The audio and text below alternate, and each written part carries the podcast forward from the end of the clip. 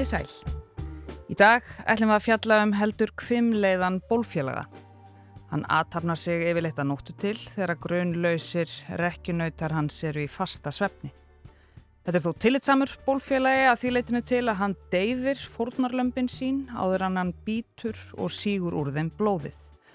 Þetta sem sé ekki vampýra, við veitum að þær deyfa ekki áður en þær sjúa Umfjöldunar efni dagsins er tölvert minna og það er enda líka raunverulegra en vampýra og bitinn valda ekki eilífum lifandi dauða, heldur bara útbrotum og kláða. Það getur þó reynst tölvert flókið að ráða niðurlögum þessa bólfélaga. Hún vill bara vera þinn rúmföru nautur. Hún elskar að vera í rúminni þar. Þar likur hún og á svona þryggja til fimm daga fresti, stundum oftar, læðist hún fram þegar við erum komin í svo kallan rem stingur, sígur úr í blóðið og hennar aðalsmerkja aðalega eru þrjú bit, ofta svona 1-2 cm á milli bita. Ég heiti Sunna Valgerðardóttir og í þetta helst í dag verður fjallað um litlu pöttuna sem er að gera allt vittlust í París, veggjalúsina The Bedbug.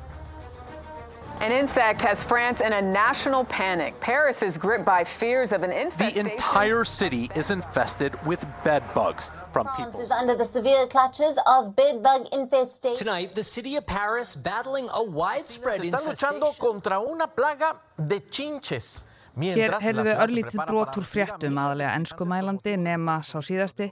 Chinches eru veggjalís á spænsku um veggjalúsa faraldurinn sem greip París og hefði varla geta komið á verri tíma því ólimpíuleika undirbúningur stendur nú sem hæst. Myndirnar sem fylgja fréttonum eru ekki síður dramatískar. Now, for many, they're the stuff of nightmares. One country currently suffering from a bedbug outbreak is France. Veggjalúsin trónir efst á lista náttúrufræðistofnunar Íslands yfir blóðsjúandi sníkjudýr. Hún tekur sér gjarnan bólfestu í rúmum manna og nærist á blóði þeirra, engum að næturlægi, en lætur lítið á sér kræla að degi til.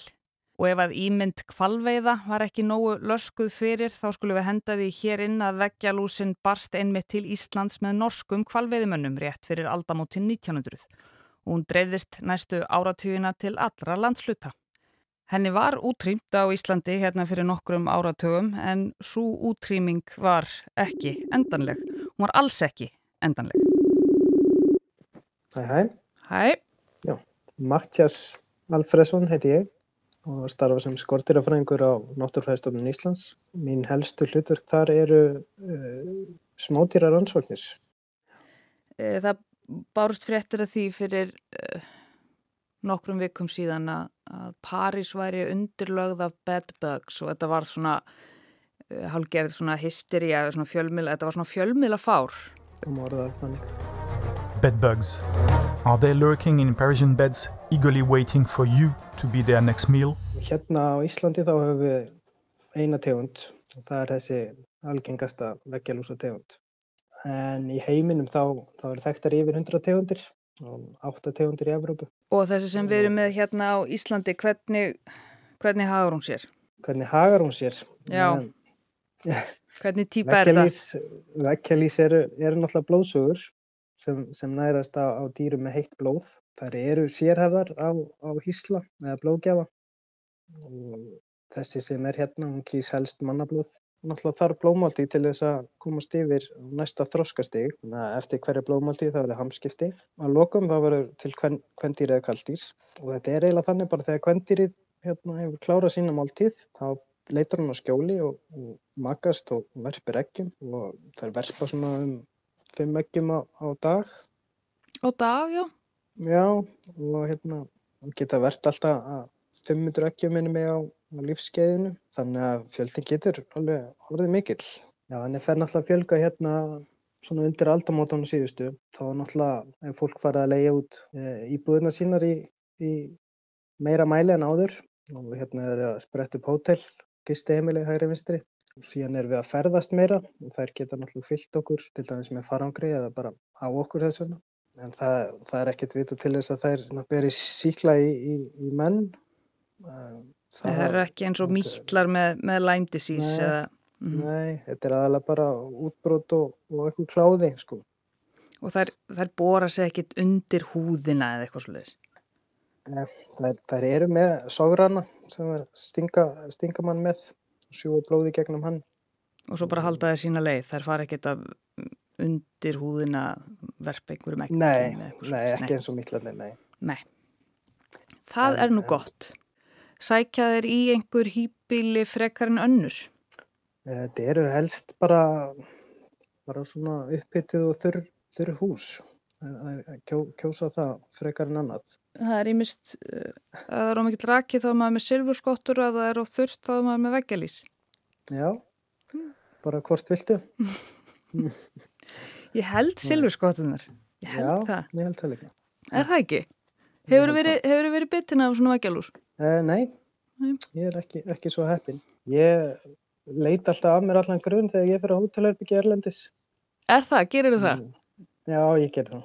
Ég kíki bara á, hérna, dín, á dínuna og kottaverið og, og svona helstu félustæði kringum söpstæðina. Það er margt sem mannskeppnan gerir sem er veggjalúsum í hag. Meðal annars gæti það verið hvernig við reynum að eyða þeim. Það er yfirleitt ekki litið á þær sem samfélagslegt vandamáli ef svo má orði komast eins og moskítoflugur eða mítla eða við lítum okkur nær lúsmí eða leggskólalúsin skæða til dæmis. Það er eitthvað sem við tengjum öll við, það er engin óhuldur. En við horfum öðruvísi á veggjalistnar, þær eru vandamál einstaklinga, einstakra heimila og það getur bæði orðið mjög dýrt og mjög erfitt að losna við þær. Hún spyr korki um stjett, nýja stöðu. Þær hreyðra líka um sig á fimmstjörnu hótelum í fyrstu farrimum flugvila og í penthouse luxus íbúðum. Það geta allir lent í veggjalús þó það geti ekki allir losnað við þær. Það getur oft á tíum verið bara mjög erfitt verkefni að losna við þær og oft þarf að nota nokkrar aðferðir samtímis til að útrýma þeim og bara nöðsilegt að leita aðstofur hjá reyndum myndireiði ef það er finnast á heimili. Best að heyra bara í einum svo leiðis. Já, ég held að. Þetta slökk var ringingunum sinna. Það er stanslust. Ég heiti Steinar Smári Guðbergsson og er meindireir hjá Meindireir Íslands. Hvort myndur þú vilja hafa heima hjá þér veggjalús eða silfurskottur? Ég veit ég myndi alltaf velja silfurskottuna. Mm -hmm. Akkurju? Oftast næður þá liggur sko silfurskottan bara gólfinu og jú, jú, er inn í mataskápum og einstakar sínum í fataskápum. Kemur fyrir hún fari upp í rúm til fólks en það er þá bara, fólk er að grítinni sjálft upp í rúm sko. En veggjalúsin, hún vill bara vera þinn rúm föru nautur. Bólfélagi bara, hún elskar að vera í rúminni þar. Það er eitthvað sem að þú vilt ekki pikka upp á förstaskvöldi að það er bedbugs og taka með þér upp í já, rúm. Þar liggur hún og á svona þryggja til fimm daga fresti, stundum oftar, læðist hún fram þegar við erum komin í svo kallan rem, stingur, sígur úr í blóðið og hennar aðalsmerkja aðalega eru þrjú bit, ofta svona 1-2 cm á milli bita. Veggjalúsin skinjar ekki fjarlæðir í leitað fórnalambi en hún er sögð merkja varma útgeislun í um 10 cm fjarlægð. Hún getur gengið upp eftir veggjum en hún á erfitt með að festa sig út eftir loftum þó hún gerir það sannarlega. Ég er alltaf með vasaljós á mér og ég kíkja alltaf í lofti og það eru þrjári í loftinu því það er láta sér detta á mann, detta, að láta sér steppa sér bara svona, detta á húna mína eða ég hárið því fattur. Frábærar. Er, þetta eru sniðu kvikti sko. Það er búið að reyna að drepa hann svo mikið mm -hmm. í gegnum náttúrulega tíu ára með hinum og þessum efnum að uh, það sleppa alltaf einhverjar og það er byggja upp ónami, hægt og rólega, kynnslóð eftir kynnslóð verður ónami meira fyrir efnanum þannig að það er bara hlæja þessu í dag. Ég nota bara allt það sem ég er með bara í bílum bara eða bara það sem það líku í dræm skampisuna. það eru nefnilega alveg slettilega, ertu byrjað að taka upp? Já. það eru nefnilega alveg hérna slettilega eða glettilega stórar. Þú sérðar alveg vel sko. Og hvað það er gerur... eitt og eitt efni, ég er reynda með tvö núna sem eru ok, en ég myndi aldrei nota það eitt og sér. Það er bara ávísun á bara mistök að gangi ekki upp. Er það bara eldvarpan? Það líkur við, já. það, er, það er bara kveikjarinn og eldspillina. Ég er að nota þurgu við hitta vél og ég er að nota fristi dót oftast nær þá þarf fólk eða fólk eiginlega velur það sjálft að henda bara rúmin og hérna ég man eftir einu fólki sem átti hestens rúm, ég veit ekki hvað það kostiði manni. Og það þurfti að henda því? Já, þau völdu það. Því að eins og eitt sagði við mig, ég vil ekki sofa á lí, líkúsi. Ég Nei. kem, drep og, og, og eigðu öllu í herbygginu og rúminu og svona nema að stundir rosalega erfitt að eigða þessu í rúmanum og dýnum og annað. Þegar þeir eru búin að verf út um allt? Já, þeir eru búin að tróða sér jafnvel inn í rúmbotna og ég hef fundið þar inn í naglagati. Nú byrjum við að klæja, sko. ég hef fundið þar inn í naglagati eftir bara svona stálnagla í vegg, þar sem að myndjekka einu sinni, þar lúrði einn og þetta, þetta treð, sko, málið er það, þegar þú horfir ofan á hana, þá er hún 5 mm stór, fullorðin, en eh, ef þú myndir horfa á hana á hlið og hún var ekki búin að borða reitt, þá er hún eins og blað. Já, hún er alveg flött. Hún er alveg flött, þannig að hún treður sér inn í alla rifur. Veggjalúsin sígur kröftuglega en á tíu mínútum þá getur hún drukkið sjöfalda þing sína af blóði. Það er svo faldurinn, það sem að, þú veist, rúmbotning kemur og svo búið hérna hefta faldin eða efnið undir timbrið, sko. Mm -hmm. Því oftast er þetta nú timbrum. Að þá hef ég tekið það ráð að hérna, hefta það alveg rosalega vel eða jafnvel kýta ringin í kring og í ringin í kringu lappinar til þess að loka af inn í rúmbottinum því að það náttúrulega þá komast þar að því það og þá naga, sveltaður í hel. Þá sveltaður í hel. og þá séum maður á líkúsi já og þá séum við á líkúsi og mm. það tekur bæði vegi átján mánu eða sko rannsóknin segja að það taki þær eða þar geti lífað án matar í 6 til átján mánu ef þetta myndi gerast heimja mér ef ég væri með bedbugs heimja mér já. þá myndi ég ekkit endilega vera að segja fólki mikið frá því Veist, þetta er öðruvísi þegar maður er byttin að lúsmíði sko. veist, þá segir maður öllur práði og talar ekki um neitt annað en, en lúsmíði sem maður var byttin af. Nákvæmlega. en maður er ekkert rosa mikið að segja oh, hvað haldið þið? Bedbugs sko. Fólk vil ekki tala um þetta. Þetta er svona, já, þetta er finnismál hjá fólki. En þú veit bara óöpinn þú bara, sko, þú fórst á hótel eða þú fórst í sumabústað eða þú fórst í flug eða þú fórst í leigubíl. Það er sérstaklega úti er hægt að pekja þetta út um allt upp. En það hérna heima á Íslandi hefur þetta verið bundið við hótel eða skulum orðaða þannig þar sem að þú sefur mm -hmm. annars þar en heima er. Amerikanin, hann kallar þetta the ultimate fabric hitchhiker. Hún fer til tallagnins og það er eitt sem að kemur þar og fer úr flíkinu sín og hengir upp í þína flík og það skrýður inn yfir í vasan hér. Einmitt. Þetta er bara lús, þetta er bara eins og er bara og fólk sem á börn á leikskóla veitur nú hvað lús er. Ég nákvæmlega, þetta er eiginlega bara sama, má segja það. Það er eiginlega bara alveg hárið aðal vandamálið sem er að há held í mannskepptunni í sambandi við, myndi ég segja þetta er bara persónalt dálit er fólk sem að sínir ekki neginn viðbröðu við skortýrabiti það er sko að því ég er farið til fólks sem að það er einhver patta hérna endur að koma að drepa þetta og, og svo mæti ég á svæðið og í eitt skipti til dæmis þá lappa ég inn og valla komin í forstofuna þá sé ég eina veggjalús trítla eftir gólfinu bara við bara bara forstofun teppi bara.